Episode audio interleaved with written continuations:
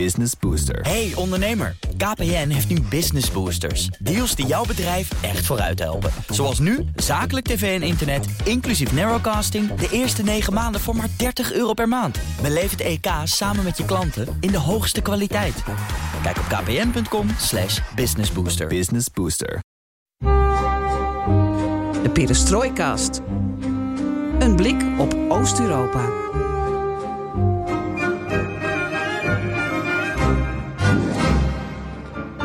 Дистартер Summer Kit for Gapnik.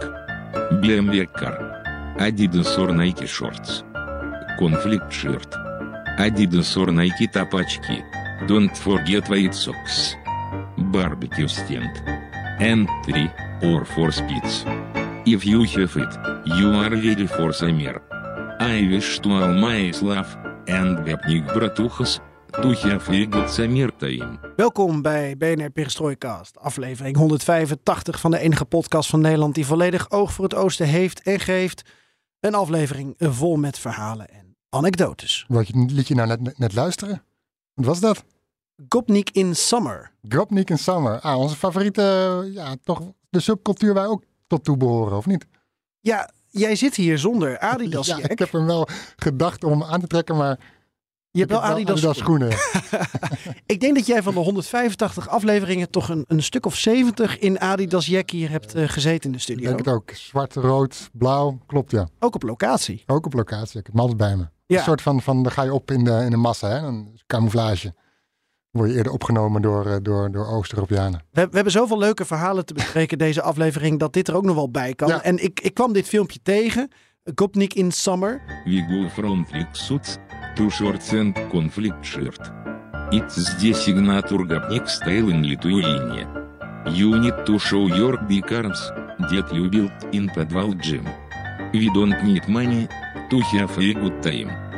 But we will take your money if you are lucky bunny. Ik, za ik zag het op een YouTube kanaal van ehm eh, Eastern European.lt.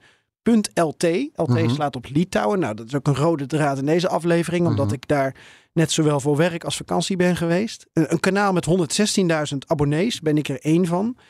En het is nu hartje zomer natuurlijk, eh Floris. eh, warm. Ik ben al een paar weken dus op vakantie geweest. En ik bedacht me toen ik terugkwam uit Letland en Litouwen... dat ik hier eigenlijk op had moeten letten. Eh, geen woordschap trouwens. Ik had erop moeten letten of met name in Litouwen die, die Gopnik subcultuur... of die daarna nog populair is. Want ja, ik weet dat, dat jij die cultuur een warm hart toedraagt. En ik heb het met Joost Bosman er ook nog over gehad in, in Letland toen we daar samen waren. Zo van, nou ja, we zijn allemaal wel een beetje Adidas-fan. Het is een mooi merk. Hm, zeker, zeker een mooi merk. En toen dacht ik aan dit filmpje. En toen dacht ik ook weer, om het helemaal rond te maken... aan Perestroikast aflevering nummer 2. Ja, Want toen hebben we het uitgelegd. Ja. En zo is de Perestroikast ook ooit een beetje begonnen. We wilden wat meer nadruk leggen op taal, cultuur, muziek, beetje sport, beetje geschiedenis. Toen kwam er helaas een oorlog waardoor we eh, een soort van eh, geopolitieke militaire duiders zijn geworden. ook nog erbij eigenlijk. Dus alleen maar plus. Ja, Naast onderwerp als Gopniki. maar het is toch wel leuk, denk ik. Want ja, wij vinden toch ook dat we onze luisteraar een beetje moeten opvoeden. Het is misschien Zo? toch goed, ik vind dat. Jij niet? Opvoeden? Ik weet niet. Bijpraten, Bijpraten. eh, kennis vergaren, Uiteraard. verspreiden, uitdragen. maar eh, leg nog eens uit. Ehm Gopnik. Ja, Gopnik, dat is een subcultuur inderdaad in, in, eh, in, in landen als, als de Baltische landen, maar ook eromheen. Rusland noemt het allemaal op. En ja, je herkent ze aan een Adidas outfit ook wel. Of ook wel Nikes, als ik dat filmpje mag geloven. Ik dacht alleen Adidas. Adidas schoenen of Adidas badslippers bijvoorbeeld. Of Adidas jackies. En ze zitten ook vaak gehurkt op de grond. eh zonnebloempitten te eten. En een beetje te hangen in, in, ja, in die grijze Sovjet-flats wijken. Eh, een beetje aan de alcohol drinken de hele dag door. Een beetje klooien. Ja, hanggroep jongerenachtig. En eigenlijk is het ontstaan, althans de, de, de, de, de, de Adidas cultuur is volgens de overlevering ontstaan tijdens de Olympische Spelen in 1980. Want toen eh sponsorde Adidas de Sovjet-Unie. Ja, En, En- Adidas is natuurlijk een Duits merk. Het is natuurlijk wel hartstikke tof dat een Duits-Westers merk dan de Sovjet-Unie sponsort in die tijd. Van wauw, vet cool natuurlijk. Eh, en daaruit is het ontstaan. En ja, heb je heden ten dagen nog steeds de Gopniki die die Adidas cultuur, of in ieder geval die Adidas kleren, eh, ja, volgens mij ermee opstaan en mee naar bed gaan. Het was ook natuurlijk ehm, Adidas als tegenhanger van Nike, wat echt een Amerikaans merk was. Ja. Eh, 1980 Olympische Spelen in Moskou geboycott door, door de VS. 1984 in Los Angeles geboycott door Mhm. Moskou. Ja. Ehm, dus het werd ook een soort rare strijd eigenlijk tussen, tussen merken op, op, op geopolitiek eh, niveau. Nu is het wel zo, we zijn 43 jaar verder en jij loopt nog in, eh, in Adidas, eh jekken met Zeker, Adidas schoenen. zeker. ehm, zonder dat de mensen in Nederland weten dat jij eh, de, de, de Gopnik subcultuur uitdraagt.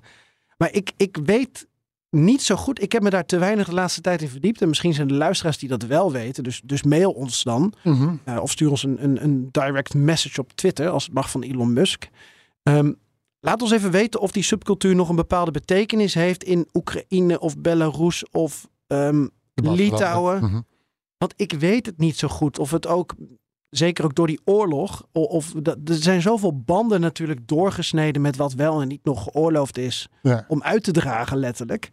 Ehm, weet je wat mij opviel op, op vakantie? Toen ging ik eh, beachvolleyballen in, ehm, in Litouwen. Mhm.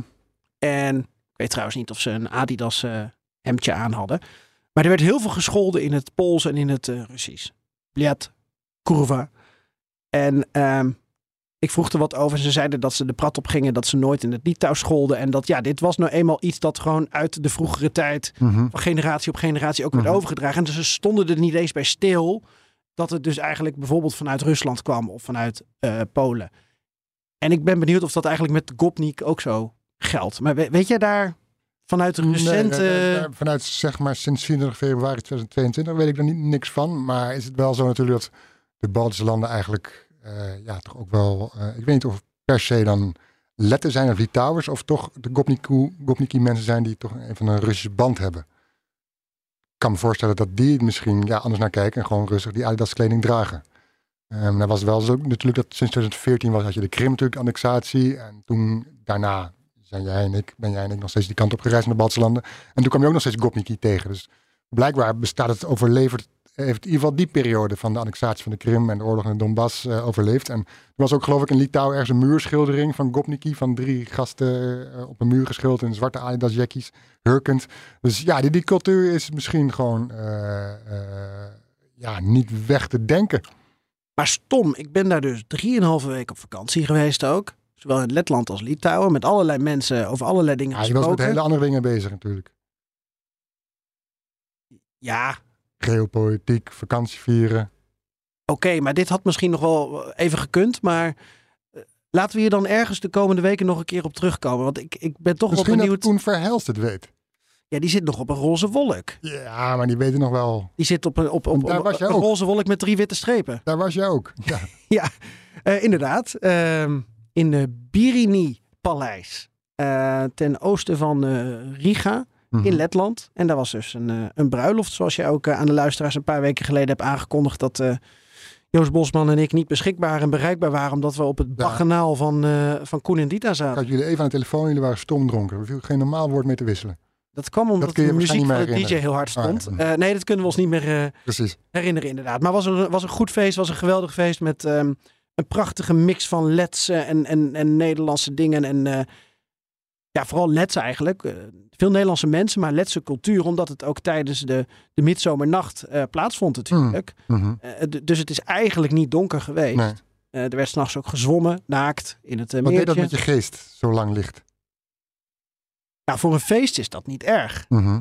Ehm, laat ik wel wezen dat voor mijn dochter Irene het wat pittiger was. Ja. Want die moest op een gegeven moment toch om 11 uur maar naar bed. Ja. En die dacht van, nou, het feestje komt net op gang. Ja. En ja, als het zo lang licht is, heb je ook het gevoel dat je overal de tijd voor kan nemen. Dat vind ik bij een bruiloft altijd wel heel erg leuk. Ja, ja. Ongelooflijk veel toespraken, op een leuke manier. Dat hele paleis aangekleed met eikenbladeren. Eh Koen zag eruit als een eikenboom. Oh, Eh, Interessant. omdat, ehm, ja, dat hoort bij, eh, bij Ligo, bij het, het Letse feest Mhm. van, van, van midzomernacht. Want wat is dan de eik? Wat, waar staat die dan symbool voor? Nou ja, als ik het goed heb, hebben die eikenbladeren een soort magische kracht.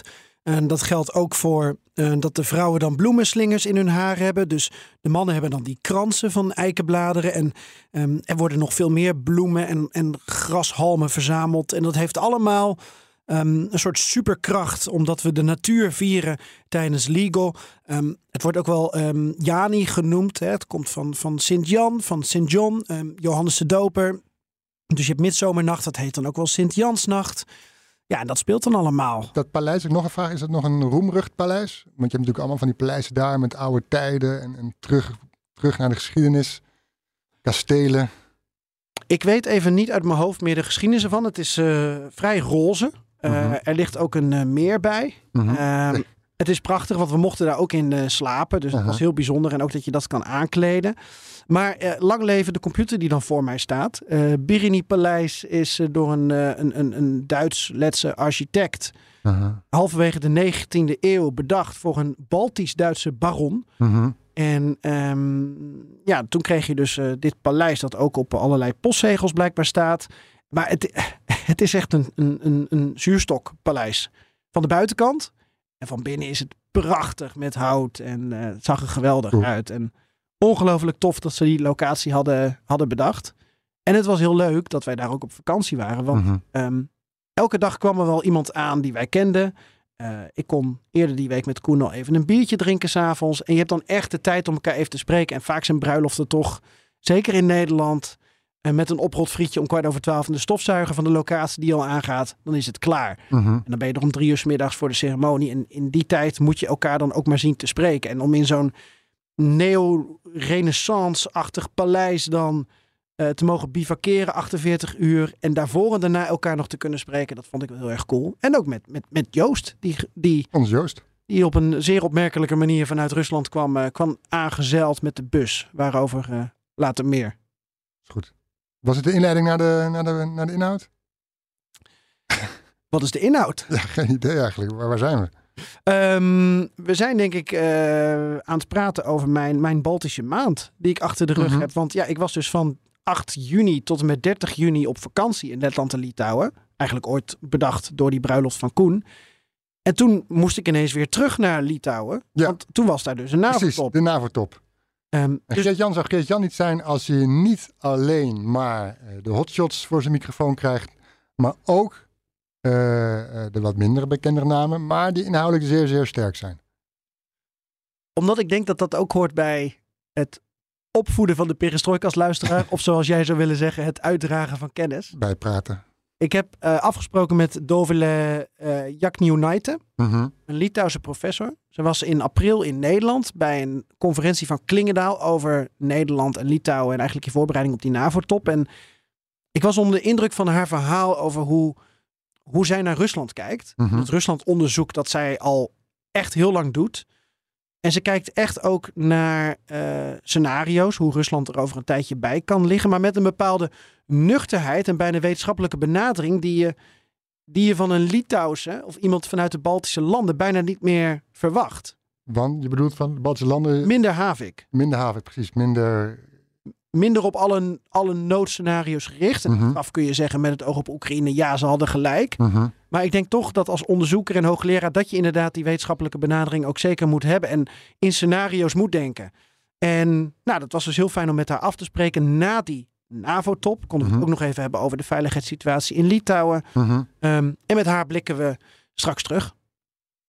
Ja, in deel 1 of deel 2. In deel 1 een beetje en in deel 2 een beetje meer. Deel 2, aflevering 186. Ja, want deel 1 is nu zo vol met verhalen, anekdotes over eh Gopniks en, en Letse stranden. Eh, we moeten het een beetje opsplitsen. Anders dan is het overkill voor de luisteraar, Is toch? goed. Dan kunnen we niks meer opvoeden. Nee, nee, bijpraten. Goed, je weet het inmiddels. Alles ten oosten van de rivier de Elbe kan de komende weken, maanden, jaren in de perestrojkast worden besproken. Ik heb de Elbe trouwens vorige week nog gezien. Hoe lacht hij erbij? Eh, rustig. Rustig. Ja. Kabbelend. Ja. Oké, heel goed. Ehm, en wat leuk is, is dat wij heel sociaal en democratisch zijn. Abonneer je op ons, zodat je geen aflevering hoeft te missen. BNR Perestrojkast en zoek ons op in je favoriete podcast-app. Mijn naam is, of ik ben Floris Akkerman. En mijn naam is, en ik ben Geert-Jan Haan. En dit is BNR Perestrojkast.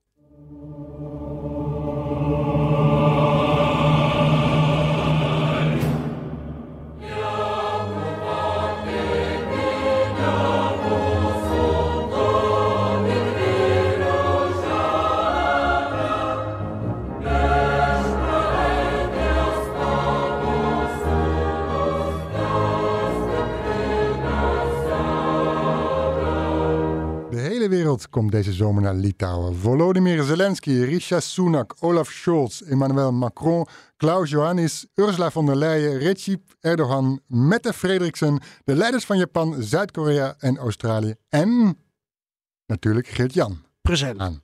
Ja, Geert-Jan. Aan het, eh, nu nog je achternaam te noemen, dat is ook een beetje Ja, dat doen we bij die wereldleiders. Dat is bij mij niet Nee, nee. Eh, maar zat weer naar af. Ehm, maar kijk, die gaan natuurlijk voor een bliksembezoek, deze hoge pieten, gaan natuurlijk voor een bliksembezoek naar eh, eh, Litouwen. Maar Geert-Jan, die is al langer geweest en duikt, dook eigenlijk in, eh, in, in het land en ook nog in Letland.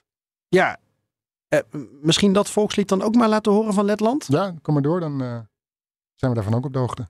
Nee, die heb ik niet. Oh, oké. Ik heb wel een liedje uit Ja. Letland. Maar waarom Letland, Litouwen en dan, dan, dan Estland, dat boeit je niet? Nou, ik denk dat mensen onderschatten eh, dat al die landen in feite groter zijn dan Nederland qua oppervlakte. En als je die landen, stuk, zeg maar. ja, en Mhm. als je die landen echt goed wil bekijken, eh, ja, dan moet je er toch wat meer tijd voor uitnemen, maar ook wat minder uittrekken, maar ook wat minder doen. En ik ben tien jaar terug eh, langs alle grote steden in Estland, Letland, Litouwen geweest. Mhm. Was heel leuk. En was met een vriend. Eh, maar nu was ik met het gezin. En in het midden van die vakantie viel dus nog de bruiloft van Koen. En dan ga je gewoon keuzes maken. Dus ik heb met name de Letse kust eh, goed bekeken. Riga goed bekeken. We zijn er bij de bruiloft geweest. En daarna hebben we de Litouwse kust en de Koerse Schoorwal goed bekeken. Mhm. En allemaal in een tempo dat je ook het gevoel hebt van ja, ik ben ergens geweest. Ja. En dus niet in Oost-Letland of in Oost-Litouwen. en ook niet in veel nieuws. Maar ja, daar kwam ik later weer.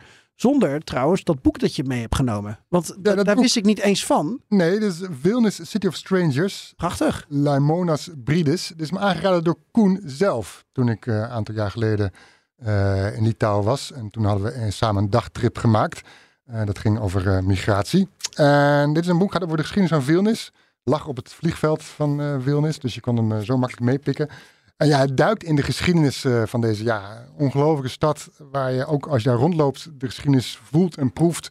De, de Joodse geschiedenis in de stad die, die weggevaagd is tijdens de Tweede Wereldoorlog. Maar ook Napoleon, Dostoevsky, Stendhal, Tolstoy, eh andere, an- Brodsky. Alles en iedereen heeft daar zijn voetstappen gezet of heeft er wat over geschreven, heeft wat gedaan. Ehm, je merkt de, de machtswisseling die je hebt gehad, de Sovjet-Unie, Duitse bezetting.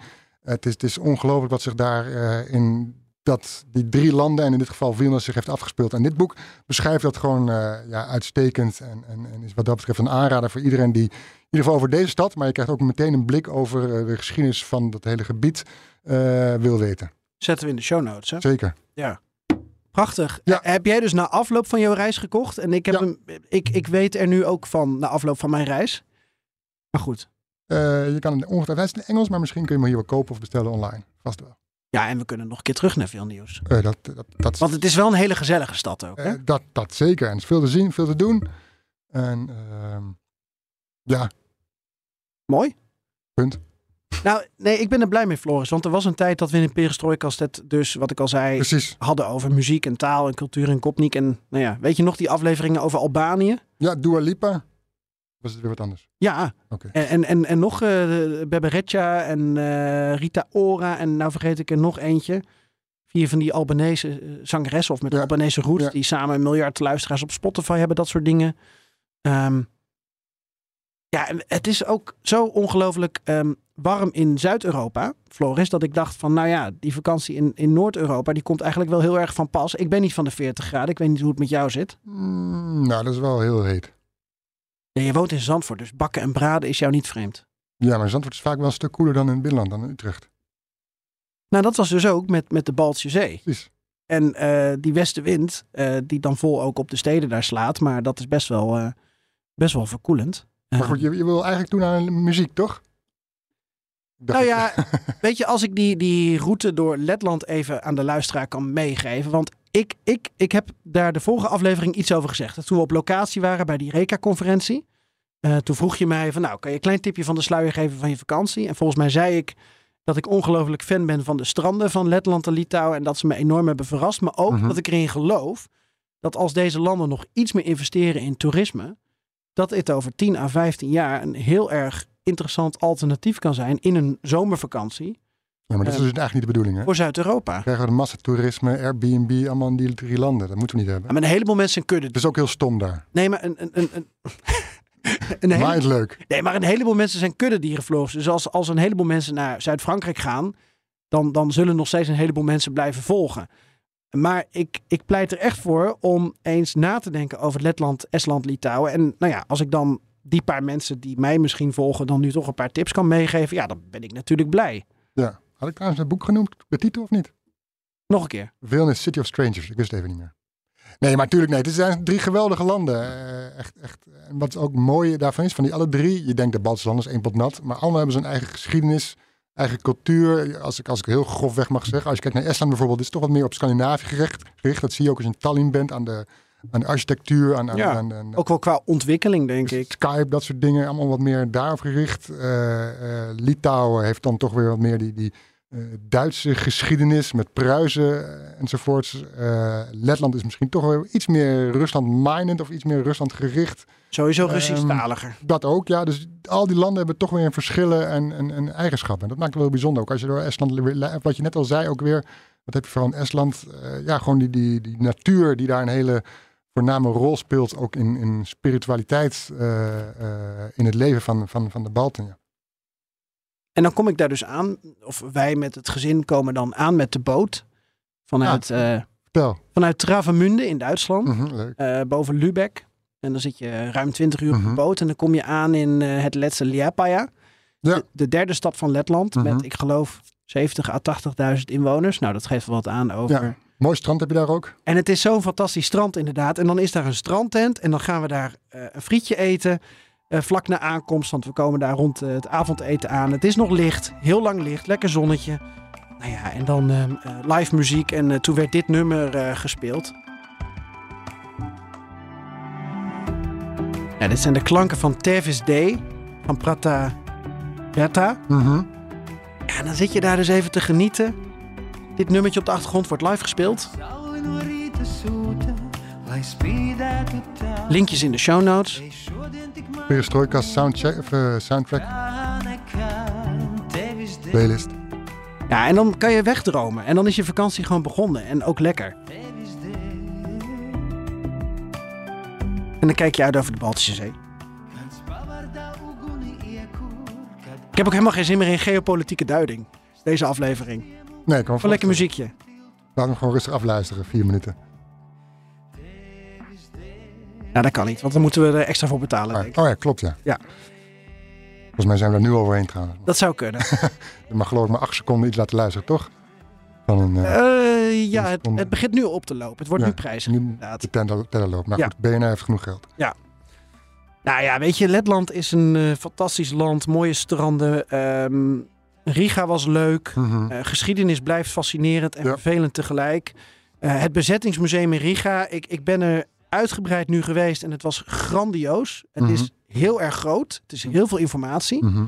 Eh, het, het beslaat in feite drie delen. Namelijk eh, hoe de Letten hebben geleefd onder Duitse bezetting. Mhm. Hoe ze hebben geleefd onder Russische bezetting. En hoe ze daarna de, de, de Baltic Way, de Baltische weg op zijn Ligt, gegaan. ligt het museum aan die, aan die majestueuze weg die helemaal... eh, Langs de door rivier. de stad... Oh, is weer een andere. Ja. Denk in de war. Nee, dit is echt, eh, eh, echt in het hartje het Mhm. toeristische centrum.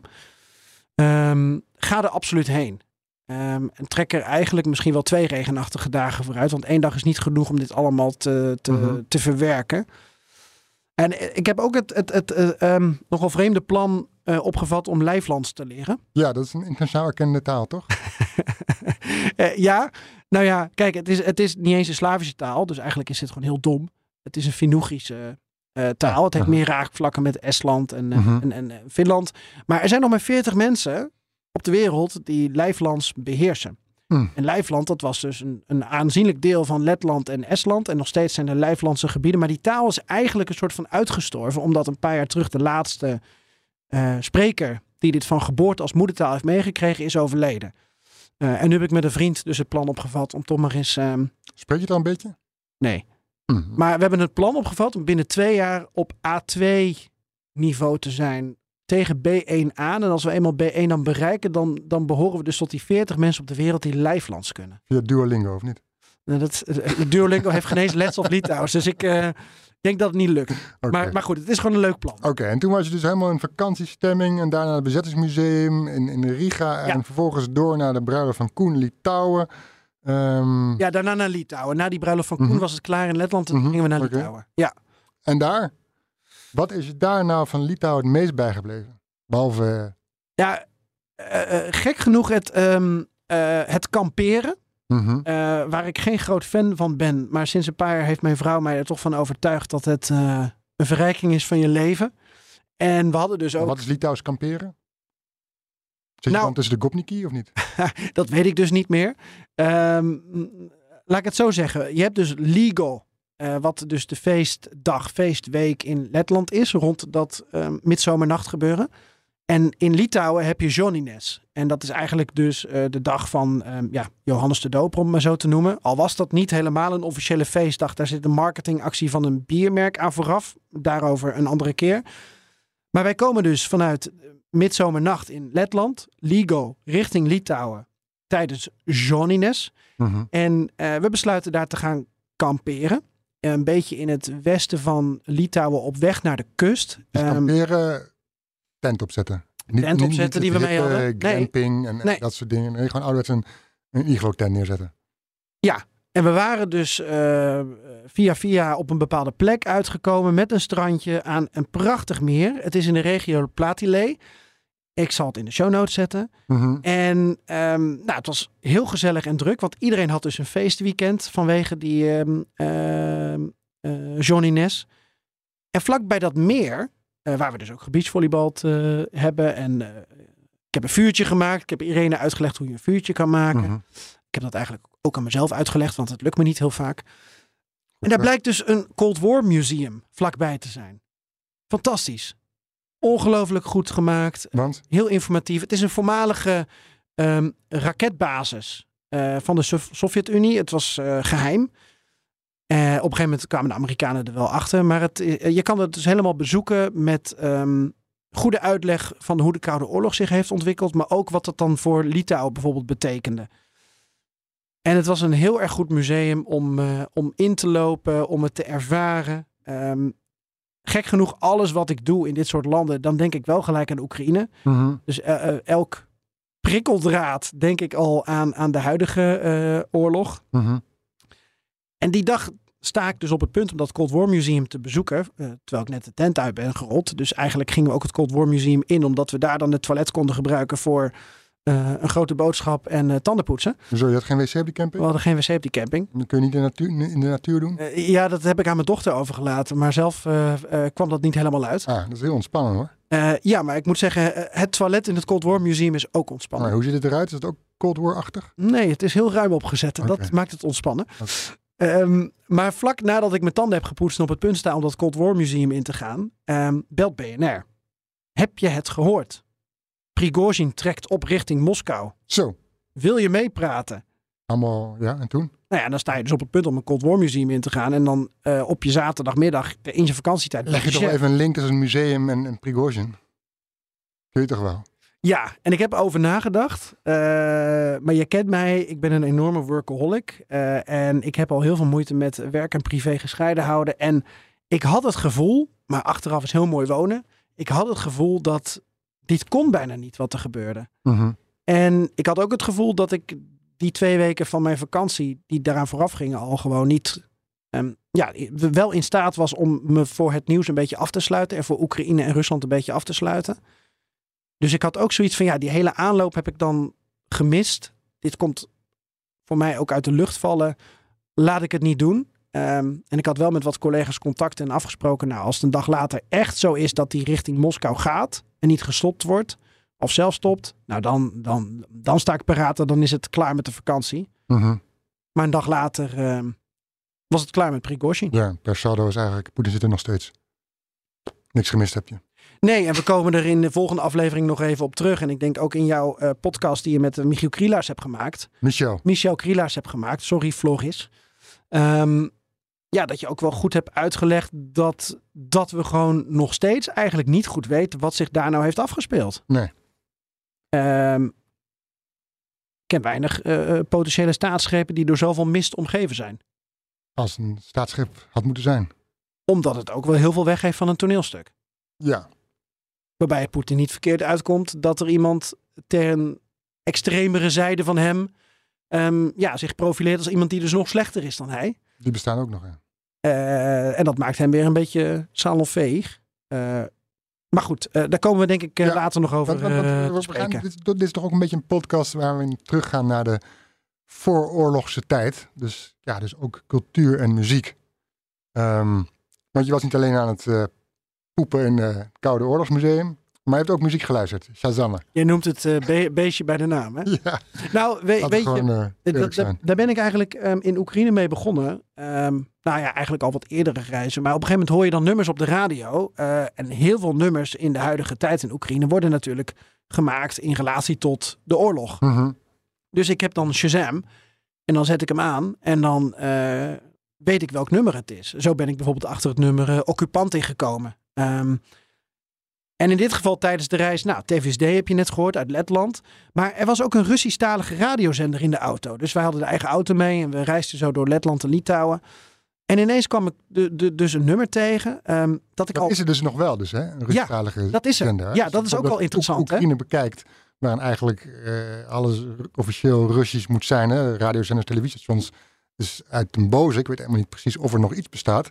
Maar dit kan dus blijkbaar gewoon in Litouwen. er moet nog wel iets bestaan. Want dat is denk ik ook het punt dat we, dat, dat we nu zo even moeten gaan maken. Dit, dit is een, een nummer, Umami. Er moet nog iets bestaan in Oekraïne, bedoel je? Of Ja, dat kan niet anders. Want, want ik heb daar ook met vrienden elke Nou, je keer weer een gesprek wel, over. Je hebt nog wel websites die, die Russische taal hebben. Oekraïnse nieuwsites. Precies. En Russisch-talig. eh, vanuit Nederland denken we telkens, eh, als je Oekraïne een warm hart toedraagt, dan moet je alles wat Russisch-talig is, moet je terzijde schuiven, Mhm. overboord keeper, want het is de taal van de bezetter.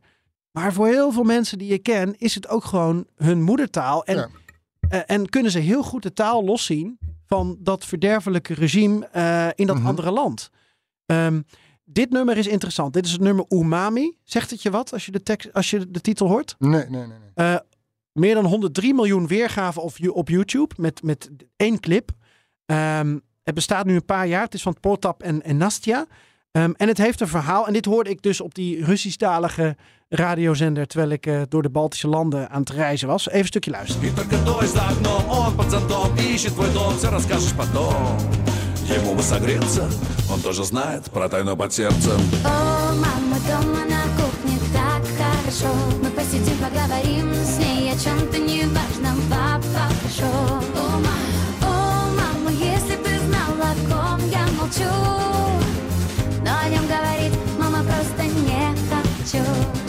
Dit is Nou, een... 27 seconden. Dat is weer een boete voor BNR. Weer eens te lang draaien van commerciële muziek. En bedankt. eh, ik ga even door met de inhoud. Oké. Ehm, nee, maar dit is een heel huiselijk nummer. Hè? Het gaat over koken en over moeder en vader, et cetera, et cetera. En die clip ook. Ehm, deze twee artiesten, Potap en Nastja, die zijn ook uiteindelijk geloof ik met elkaar getrouwd. Dat zijn ehm Oekraïners die met name in het Russisch eh, liedjes hebben gemaakt. Ehm, in de periode van de annexatie van de Krim en eh, de bezetting van, de, van een deel van de Donbass kwamen zij in opspraak, want het was niet helemaal duidelijk eh, waarom zij door bleven gaan met toeren in Rusland. Mhm. Ehm Zijn zijn Oekraïens. Oekraïens. Ja, maar ze zingen met name in het Russisch. Ehm, sinds Maar ze de- hebben niks met Litouwen te maken. Nee, nee, nee. Oké, nee. nee. Eh, sinds 2022 ehm, zijn zij ook op een soort zwarte lijst terechtgekomen van discutabele artiesten in Oekraïne. Tegelijkertijd zijn ze heel veel geld gaan ophalen Mhm. voor Oekraïnse vrijwilligers eh, om, de oorlog, eh, die, om de oorlog te steunen. Dus hun positie is een beetje onduidelijk. En daar komt nog bij, Floris, dat er een, een Russische DJ in Tula was die hun heeft gedraaid. En die heeft weer een boete gekregen omdat hij een Oekraïense artiest heeft gedraaid. Dus wat zijn zij nou? Zijn zij goed? Zijn zij slecht? Ehm, het is ongelooflijk diffuus. Ik ken ook niet het hele verhaal van deze mensen. Maar toen ik dit nummer op die Russisch-talige radiozender hoorde, dacht ik wel van ja. ehm, alles wordt ook, ook zo ongelooflijk eh, op de spits eh, gedreven. Mhm. Ehm, het is bijna geen doen meer. Ehm, en, en- en Voordat je het weet leg je kop eraf. ja, en dat kun je Mhm. vanuit Oekraïns perspectief soms ook wel begrijpen. Eh, en vanuit sommige mensen misschien begrijpen. Maar het maakt het ook heel lastig om nog met elkaar een dialoog te hebben. En ik weet niet meer met wie het erover ging deze week. Maar, maar neem de Krim. die, Schiereiland dat jij en ik ook nog steeds volgen. Stel dat Oekraïne ooit weer de Krim terugkrijgt. Ehm, wat gebeurt er dan met al die Russisch-taligen? Ja, dat, dat, dat, dat is zeker een vraagje. Gaan, ze, gaan ze dat helemaal zuiveren? Dan, dan ben je tussen haakjes geen haar beter dan Stalin eh, of, of Poetin nu. Klopt. Ehm, is er nog weer plek voor de Krim-Tataren? Mhm. En dat soort dingen, ja, de tijd moet het leren. Maar dit soort discussies zijn zo ongelooflijk lastig over taal, etniciteit en waar je bij hoort. Ehm, en dat werd dus weer eh, tijdens mijn vakantie, helaas, Je komt er nooit vanaf. moest ik daar weer over nadenken. Ja, Nee, mooi. Ehm, je weet niks toevallig over het Russisch-talige radiobeleid in Litouwen. Hoe dat zit. goede ontvangst.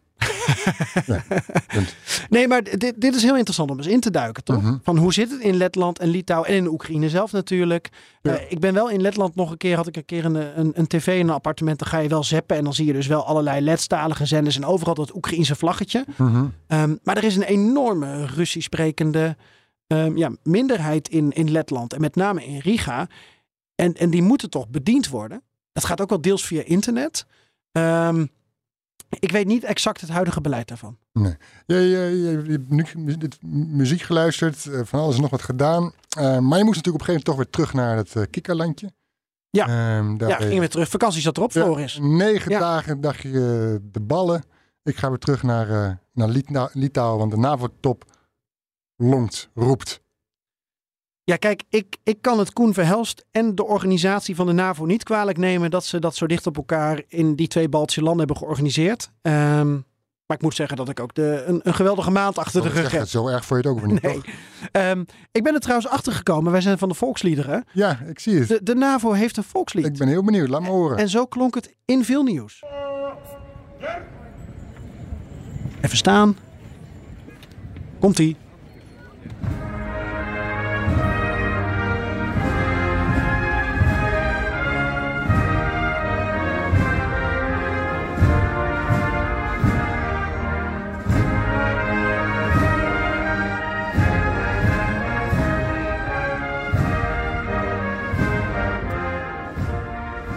Nou, wa- wat ik hiervan weet, Floris, van het NAVO-volkslied. Mhm. Tegenwoordig moet je overal in verdiepen.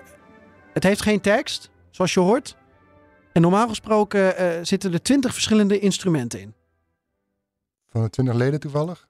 Ja. Weet je niet? Ik weet niet hoeveel Nee. leden er zijn. Van. Nee, eh, met Zweden, natuurlijk. met Zweden erbij 32. En Ja. Oekraïne, dat zou nummer 33 moeten worden. Mhm. Dat zat overal in veel nieuws, zag je posters daarvan hangen. Ehm, nou, vergeet dit feitje maar van die Ja. 20 muziekinstrumenten. Ja. Maar ik dacht, ik moet hier toch iets over zeggen. Eh, nee, dat, dat, dat is heel goed. Dat eh, noteren we eventjes. Goed om te weten. Ehm, ja, we hebben al alles gehoord en geschreven over die NAVO-top. Ehm, hoe kijken de Litouwers er tegenaan? Hebben ze allemaal even gesproken? Hè? Ga ik vanuit. Ik heb ze allemaal gesproken, alle, Mhm. alle eh, 2,5 eh, miljoen. Hoeveel zijn het er tegenwoordig? Jij, jij hebt je toen een paar jaar terug verdiept in die brain drain van die Litouwers en die letten die allemaal richting ja, West-Europa gaan. fascinerend. Dus het, zijn er denk ik, het zijn er denk ik 2,5, 2,7 Mhm. op dit moment. Ehm, ik denk dat de Litouwers iets eh, trotser waren op de NAVO-top dan de Moldaviërs op de Europese top, waar ik een paar, jaar, eh, paar weken geleden ook was. Ehm, want je bent toch benieuwd van ja, je stad wordt deels afgezet. In, in Chisinau was het zelfs helemaal in lockdown. In veel nieuws ehm, kom je ook niet overal meer met de auto en de Mhm. fiets komen. En werd ook aangeraden, verlaat de stad. Ga de stad maar uit voor een week. Eh, ja, dat is nogal een opgave. Ehm, maar goed, ik denk wel dat ze bijvoorbeeld in veel nieuws het wel heel cool vonden dat Joe Biden ehm, daar de menigte ging toespreken. Ik weet niet of je daar iets van meegekregen hebt. Mm, Niet zoveel.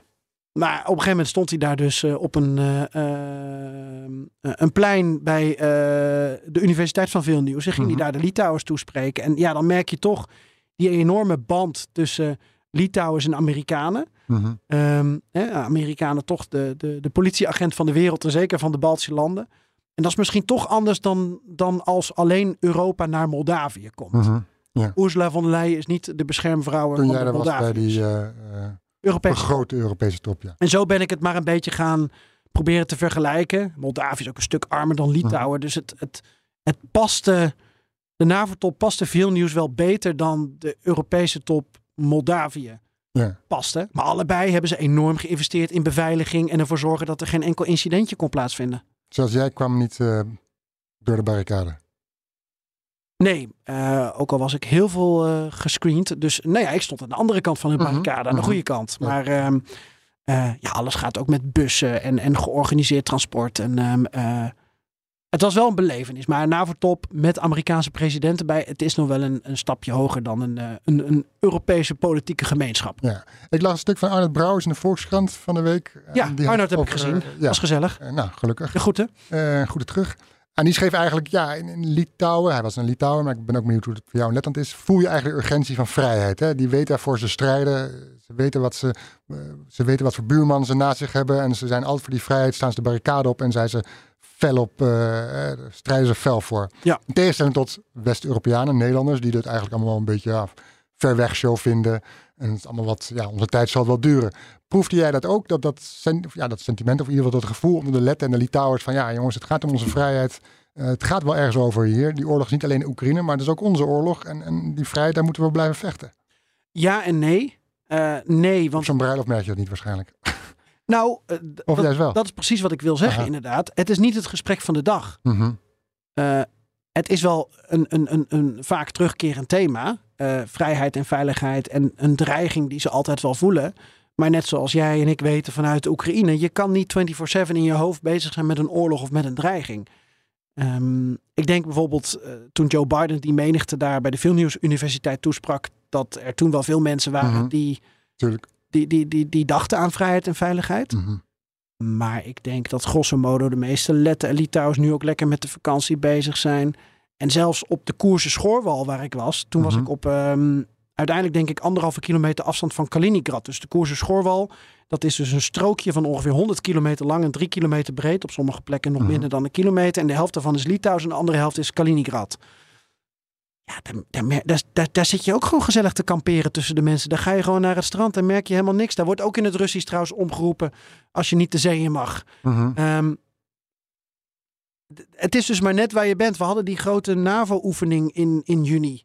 Ehm, grootste ooit geloof ik, Air Defender als ik het goed heb. Ik heb er niks van meegekregen terwijl ik in Litouwen was. Nee. Het is ook maar net waar je bent in het land.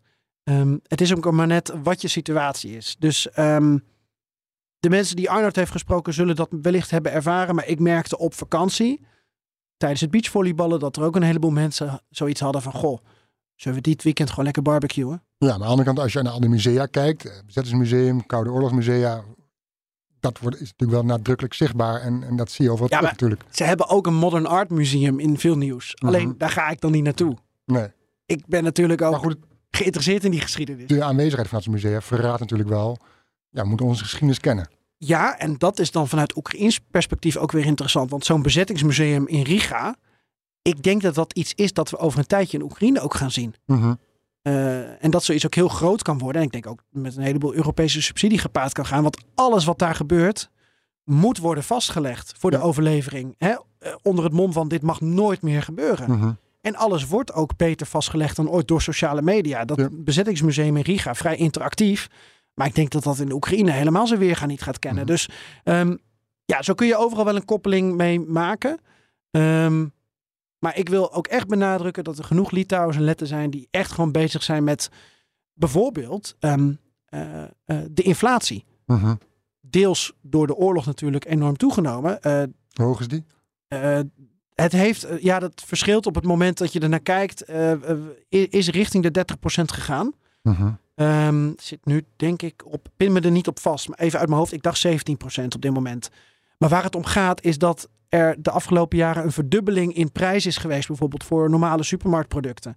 Eh, maar ook dat in een stad als Vilnius, als daar dus zoveel Belarussen en nu ook Russen en Russisch-taligen naartoe trekken, ja, een appartementje dat eerst 400 euro was, dat wordt nu 800 euro. Mhm. Vergelijk het met de situatie in Tbilisi bijvoorbeeld of zo. Ehm, en dit heb je in nog een paar steden. En in veel nieuws komen daar dus naast eh, de Russen, die je dan in, in Georgië ziet, dus de Belarussen en de Oekraïners ook bij. Ja, dat merk je dan. En dan probeer je daar eh, mee om te gaan. Ehm, nou ja, daar hebben we het ook op vakantie over gehad. Ja. Was, was die NAVO-top nou een succes of niet? Ha! Daar Ehm, zijn de meningen over verdeeld. wat vond jij van een afstandje? ik, moet, ik moet eerlijk zeggen dat ik niet heb gevolgd. Ik was met mijn hoofd ergens anders. Ja, waar was je met je hoofd? Ik was met mijn hoofd bij Bruce Springsteen in Kopenhagen. Was dat een succes? Ja, dat was zeker een succes. Steengoed concert, geweldig concert. En ik heb hem, ik heb hem voorbij mij zien rijden. Ik stond, kwam bij het stadion aangelopen en toen was er een oprit en er stonden een aantal fans. Wauw. En eh, er was ook een merchandising waar niemand stond. Dus ik ga even kijken naar de merchandising. En er stonden dus twintig fans te wachten bij een opritstuk richting het stadion met een hek dicht. En er waren onze posten en je mocht er niet in. En eh, ik stond er vijf minuten en toen kwam hij aanrijden in zijn, eh, ja, op een rechtstuk met een chauffeur. En hij, we zwaaiden naar elkaar. Ik weet niet of hij me echt zag, maar hij zwaaide en ik zwaaide. Alsof de koningin langs Ik heb meteen mijn vrouw gebeld en ik was helemaal blij. Want de Dus vaste die, lui... dus die, Ja. NAVO, die NAVO-top was, tijdens, was in die dagen dat ik in, eh bij Bruce Springsteen in, Den Haag, of in Ja. Denemarken zat. Nou ja, de vaste luisteraar weet inmiddels dat jij een groot Bruce Springsteen fan bent. En dat jij dus deze hele zomer ook gebruikt om allerlei eh, concerten te bezoeken. Ja. Waar ben je nu geweest? Deze reeks? Eh, Rome, Amsterdam, Landgraven en Kopenhagen. Nu is het klaar. nu is het klaar. Ja, nu is het geld op. Is de verwachting wel dat hij nog een keer terugkomt naar Europa? Ik hoop het. Dat is de grote vraag die nu leeft. Want het is niet helemaal duidelijk. Hij heeft wel ergens gezegd in, in, in, in, eh, eh, Göteborg heeft hij gezegd I'll be back, we'll be back. Maar zijn hele tour, dat gaat over, over vergankelijkheid, over de dood, over einde van vriendschappen, over mensen die hij verliest. eh ademd ook wel uit van misschien de laatste keer, de laatste tour. Of met diezelfde tour gaat hij volgend jaar nog een keer verder. Maar ja, we weten het eigenlijk niet. En, en nog even vanuit Perestroikas perspectief. Stevie Van Zandt met zijn Oekraïnse Eh, gitaar. elke keer bij No Surrender eh, heeft hij hem om. Ja, en dan Ja. is het ook klaar. Je ziet hem ook niet meer terug in gitaar eh, tijdens het concert. Ik heb niet gevraagd waarom aan zijn gitaarmaker. Oké. Maar Steve zelf, kan het vragen via Twitter. Ja, die, ja, die gitaarmaker Woody Woodcaster. Hè? Yes. Ja, die benaderde Ja, ons ja. via de Perestroikast. die, die wil elke keer als je dus naar een concert bent geweest, wil hij dat jij een foto van Steve met de Oekraïnse gitaar naar hem opstuurt via Twitter. Zullen we vragen dan aan Woody Woodcaster of, die, eh, of Stevie doorgaat met die Oekraïnse gitaar tot al het gebied van Oekraïne bevrijd is? we, we gaan eh, Steve eens uitnodigen voor Dus de dat, podcast. dat tegenoffensief van die Steve gitaar. was, eh, Steve was zeker in het begin van de oorlog enorm fel. Hij vond, vindt dat Amerika, zeker in de begintijd, ik weet het, nu zie je daar niet over, veel te slap optrad tegen Poetin. Mocht van hem veel steviger, veel sterker, veel, veel, veel harder. Dus, eh, Ja, dan weet ik dus niet wat Stevie van Zandt vond van de uitslag van de NAVO-top. En of hij het een succes daar zou hebben zien. we ook niet gevraagd. Ik denk dat, denk, denk dat hij eventjes met zijn gedachten ergens anders is. Nou, hij had geen mening, denk je, over de roadmap. Nee. Welke roadmap? Ja, Voor Oekraïne. voor Oekraïne. Mhm, ja. richting dat NAVO-lidmaatschap. Ja. Nou, kijk, ik, ik, wat is succes? Hè? We, we maken het heel filosofisch. Ehm, eh, ik vroeg het aan eh Dovile Jakniunaite, de, de Litouwse professor. Ehm, en, en nog even, Floris, ik wilde dus heel graag in veel nieuws nog iemand spreken die niemand anders zou spreken Ja, van de goed. Nederlandse media. Daar hou ik van. Voor een iets andere terugblik op de NAVO-top. Ehm, nou ja, en zodat we de komende weken, maanden, jaren dat perestrojka sausje nog even kunnen in ons Mhm. achterhoofd kunnen hebben. En dan kom ik op een aantal punten uit. Ehm Eén daarvan is inderdaad, wat is succes? En het ligt volgens Dovile ook echt aan het perspectief waaruit je het bekijkt. Was het organisatorische succes voor de stad Vilnius? Was het een succes voor Oekraïne? Voor de Baltische landen? Ehm, Joe Biden? Mhm. Dit is wat ze zei. several meanings of success. Yes, uh, I'm coming from Vilnius, from Lithuania, and we organized our government organized uh, this event. So first of all, we look uh, if everything went smoothly and okay, and logistically, in the organizational sense. In that sense, uh, I, I think today I'm talking one day after after summit. Uh, everybody, I think it seems things like nothing bad happens. It's really a success. So in terms of that, of course, but uh, but uh, of course you're asking about uh, content. Uh, and here is the, it, depends whom you're asking. Uh, of course, many things um, uh, which uh, were adopted, announced here, were known in advance, and we kind of expected uh, about uh, regional security plan, defense plans uh, for eastern flank, about uh, most probably bigger commitments for defense expenditure by all member states, and these kind of agreements are very very good, and uh, we made well advance, and we knew that, and I think it's very uh, very. mm, right line of direction how NATO is evolving. Another topic was uh, Ukraine, uh, and here uh, opinions in, even in Lithuania are divided. Lithuanians are very, in general, not only politicians but the public is very uh, are rooting very much for Ukrainian success and want uh, to get as much as possible for it. So of course, uh, many expected or hoped maybe to get this more concrete roadmap, indications for NATO membership for Ukraine. Uh, I don't know, maybe not in dates, but some something better than it. So if you ask uh, this, this camp, of course, we say that uh, a little bit uh, not as good as, as, as we expected. But in general, I think, like from how I see, it's it's more or less what we could expect, keeping in mind all the differences in NATO member among NATO member states, and this even you can even look quite optimistically at this phrasing when all member states agree. Uh, it means like it can be, of course, never pessimistically, but it can optimistically be even next year. Just it's like a matter of political actually decision and this agreement not to have long list of requirements in terms of membership action plan is also it seems like very bureaucratic, but actually it helps also the country, which has actually a lot of to do in terms of reforms and so on. Nou, Dovile geeft in twee minuten uit wat er allemaal besproken is en besloten. Ja. Ehm, over dat hè, organisatorisch. Voor de Litouwers is het natuurlijk enorm trots dat ze dit te organiseren. Nou ja, ja. Dat het goed gaat. Dat, eh, Ja, maar wat ik dan toch uiteindelijk interessanter vind, is wat zij eh, ook zegt over eh, de politiek die dit organiseert. mhm. Ehm, waarbij de Litouwse president Noseda de gastheer is. En je hebt natuurlijk die minister van Buitenlandse Zaken, Landsbergis, Mhm. die een enorme havik is. En die hebben ook echt dus eh, maandenlang de agenda proberen te bepalen. Mhm. Ehm, in een eerdere Perestroikas aflevering hoorde je ook mijn interview met Noseda over toen hij in Mhm. Den Haag met Rutte die top voorbereiden. En ze zijn er heel trots op, maar ze hebben ook echt wel gebruik willen maken van dat ze dus gastheer zijn. En dat geeft Dovile ook aan. Had het uitgemaakt als deze top nu in Spanje was gehouden? Ja. Nou, qua, Voor Oekraïne, voor, als uitkomst. ehm, eh, eh, het had uitgemaakt, met name eh, voor het verwachtingspatroon. Mhm. De uitkomst weet ik niet. Het zou kunnen dat, dat er dan net iets minder stevig was ingegaan. Of dat, dat er net een woordje iets anders was geweest. Maar goed, de NAVO de, be- ja, bestaat uit 31 landen met Zweden erbij 32. En die gaan allemaal over het lot van Oekraïne. Ehm, dus dat hoeft qua locatie niet te veranderen. Alleen, ehm, zij gaat het ook later uitleggen. Litouwen heeft gewoon heel hoog willen inzetten. Zodat als je ergens in het midden uitkomt, Mhm. dat je dan wat meer in jouw midden uitkomt dan in het midden van ehm, Hongarije Mhm. of Amerika, omdat dat dan de, de rode lijnen bewaakt. Of Frankrijk of Duitsland. En dat was zo interessant. Want succes wordt dus ook heel erg bepaald door wat vooraf de verwachting is. Mhm. En daarover moeten we het eh, in aflevering 186 hebben, Floris. Ja, ik kijk ernaar uit. Ik ga luisteren, die 186e aflevering. Je bent erbij. Ja. Ehm, ja, dat is eigenlijk tipje van de sluier, waarvan wat je zo meteen eh, te wachten krijgt. Ehm, Het is een soort vakantieeditie geworden. Hè? deze, ja, maar het is een beetje ook een podcast zoals een bekende soort van, eh, die er wel eens tussen zat voordat, we, voordat die oorlog begon. En daar hoort natuurlijk ook bij dan eh, Joost Bosman. Ja. Al reizende heen en weer tussen Riga, Letland en Moskou. Hij zit er nog maar, steeds dapper. Het, het idee alleen al dat Joost vanuit Moskou dus naar Letland kon reizen, Mhm. naar de EU, is al fascinerend. Ja.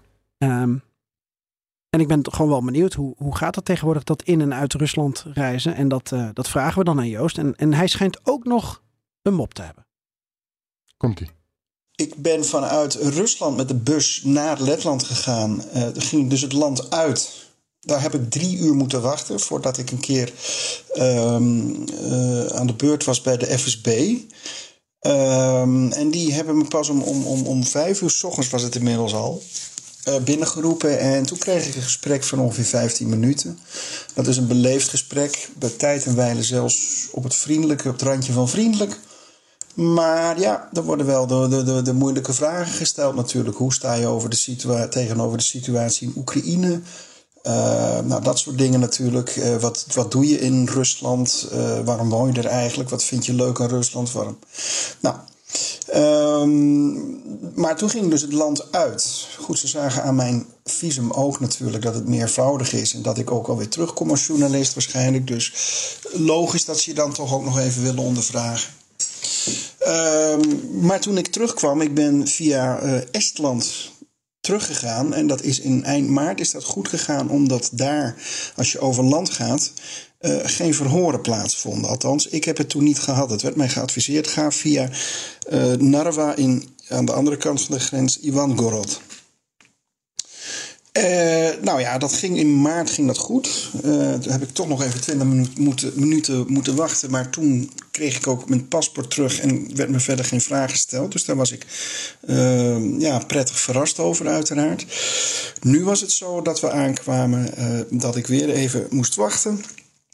Toen ik mijn paspoort liet zien. En uiteindelijk ben ik toch meegenomen naar een kantoortje achter. En toch weer 54, of wat zeg ik, zeg ik verkeerd, 45 minuten.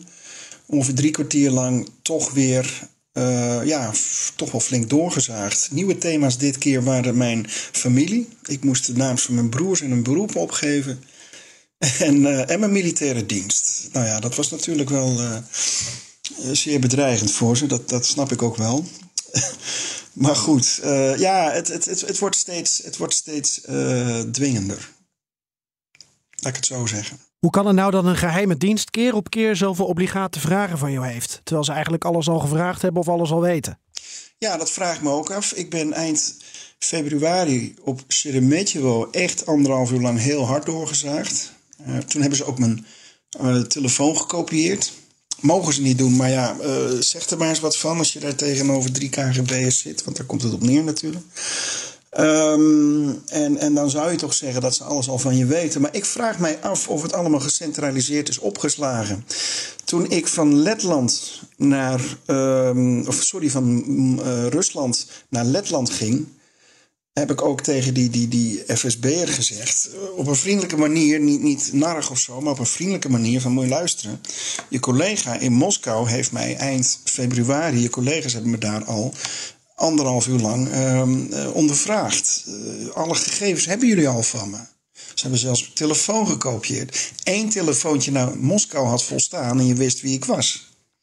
Nee, zei hij, nee, nee, wij moeten allemaal zelf ook controleren.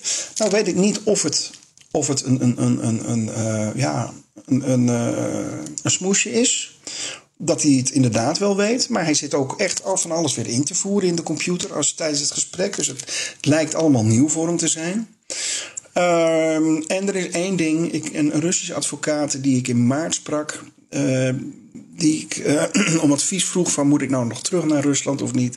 Die zei het is voornamelijk eh, intimidatie. Ze willen je als buitenlandcorrespondent gewoon het gevoel geven van we houden je in de gaten. Eh, ze proberen druk op je uit te oefenen met lastige vragen. Eh, ze proberen te intimideren. En eh, dat is het ook eigenlijk. Dus dat, dat is ook een, een, een reden waarom ze het doen. Het is misschien niet eens zozeer om informatie in te winnen, als wel jou gewoon een gevoel te geven dat je niet totaal veilig bent. Laat ik het zo zeggen. Eigenlijk is het toch bijzonder dat je überhaupt nog met de bus van Rusland naar Letland kan reizen van Moskou naar Riga. Ja, eh, nou ja, vliegtuigen is sowieso natuurlijk eh, al, al, al anderhalf jaar lang eh, geen sprake meer van. Treinen dus ook niet. Eh, maar de bus gaat dus nog wel. Maar vergis je niet, ehm, het, het duurt 20 uur. En dan denk je, ja, hoe kan dat nou? Zo ver is dat niet. Tot je aan de grens komt en dan zie je lange, lange, lange rijen. Ehm, er stond een bus voor ons van dezelfde maatschappij. Die stond er al een etmaal. Ik heb mensen gesproken, Oekraïners, die stonden er al drie dagen met een auto. Eh, de Russen schijnen niemand meer binnen te laten en er meer uit te laten. Eh, en, en dat maakt dat het heel erg moeilijk is om daar de grens over te steken. Eh, in, in Estland is het iets beter. Daar heb ik uiteindelijk, nou ja, uur of vier gestaan, denk ik, voordat ze me doorlieten, inclusief het verhoor. Ik moest wel met een volgende bus mee, want mijn eigen bus was al weggereden. Uh, maar goed, ja, er gaan dus nog bussen altijd. Um, alleen, alleen uh, zeker uh, van Letland, van Rusland naar Letland, is heel erg, heel erg lastig. Ik weet nog dat je aankwam op het busstation in Riga, vlakbij die enorme markthallen, die Zeppelins, en dat je heel nodig moest plassen. Maar goed, wat wil je ook als je 20 uur onderweg bent geweest?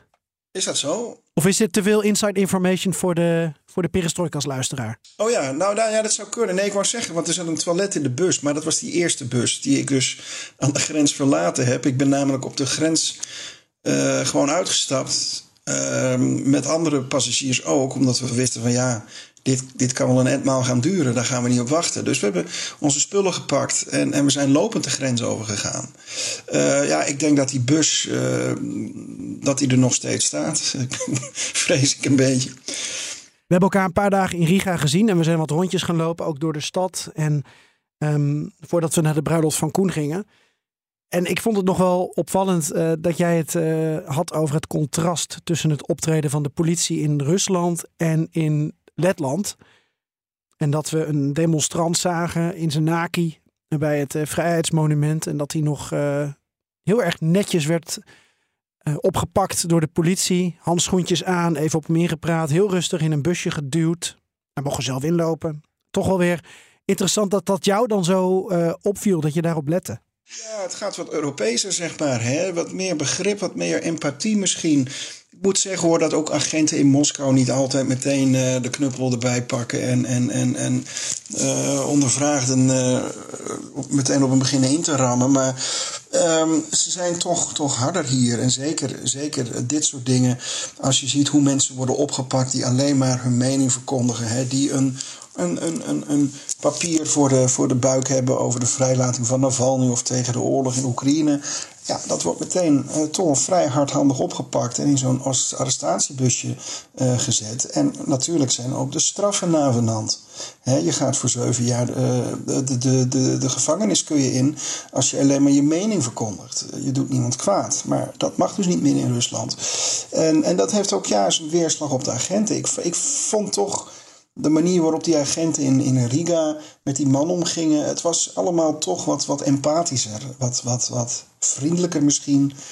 Uh, ze zeggen wel eens, ja, de politie is je vriend. Hè? Je beste vriend was de leuze in de jaren 70 in Nederland, geloof ik. Ik weet niet of dat nog steeds zo is in Nederland.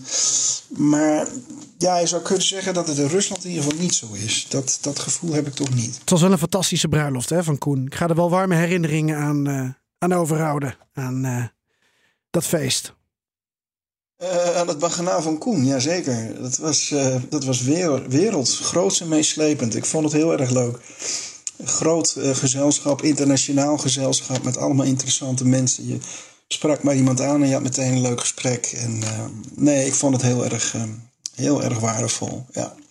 Floris wordt een beetje ongeduldig van ons één op eentje Joost. Dus kom er maar in met die mop. We doen de rest wel, wel weer privé dacht is leuk voor de luisteraar, maar goed. Een mop.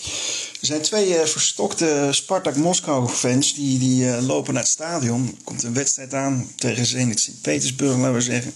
Echt een kraker natuurlijk. En ze willen een straat oversteken, maar er komt net een begrafenisroute voorbij rijden. Waarop een van de twee uh, Moscovieten zijn, zijn, zijn hoed afneemt, of zijn muts afneemt, of wat ik maar een pet afneemt. En uh, die uh, uit, uit respect voor die uh, begrafenisstoet. En die stoet die trekt voorbij. En die maat van hem die zegt: Goh, dat is een mooi gebaar van je. Zegt dat je dat deed. Ik had er niet eens aan gedacht. Maar dat je. Ja, dan komt zo'n begrafenisstoet aan en je neemt je pet ervoor af. Ik vind dat, ja, ik vond het mooi van je. Ah, zegt die andere Moscoviet, weet je. Ik was ook 40 jaar lang met haar getrouwd geweest. ja, ik lig hier in een deuk, Joost. Floris? Dankjewel, lieve Joost, voor je mop en voor je verhaal. Blijf de perestrojkas dus in de gaten houden. Want in de volgende aflevering vervolgen we ons, ons gesprek met... Dovile Jakniunait, hè? Dankjewel. en dan gaan we het ook over de nieuwe dreiging voor Je durft het niet aan. en, dan gaan we de, en dan gaan we het hebben ook over de nieuwe dreiging voor Oekraïne en de Baltische landen. Met haar dus. Dit was misschien grappiger dan die mop. En dat de Wagner-troepen ook met uh, Dovile ja. uh, naar Belarus zijn gegaan of zouden zijn gegaan. Wat betekent dat voor de veiligheid van de oostgrens? Ja, dat vind ik wel echt fascinerend. Ja. Net zoals die muiterij van Prigozhin en wat het dan zegt voor de toekomst van Rusland. Dovile is erg goed in scenario's uh, maken, uh, probabilities. En um, we vragen haar, ja, zijn er nou scenario's aannemelijker geworden door die muiterij van Prigozhin? Je hoort het in aflevering 186. Малинка моя, в саду ягода, малинка, малинка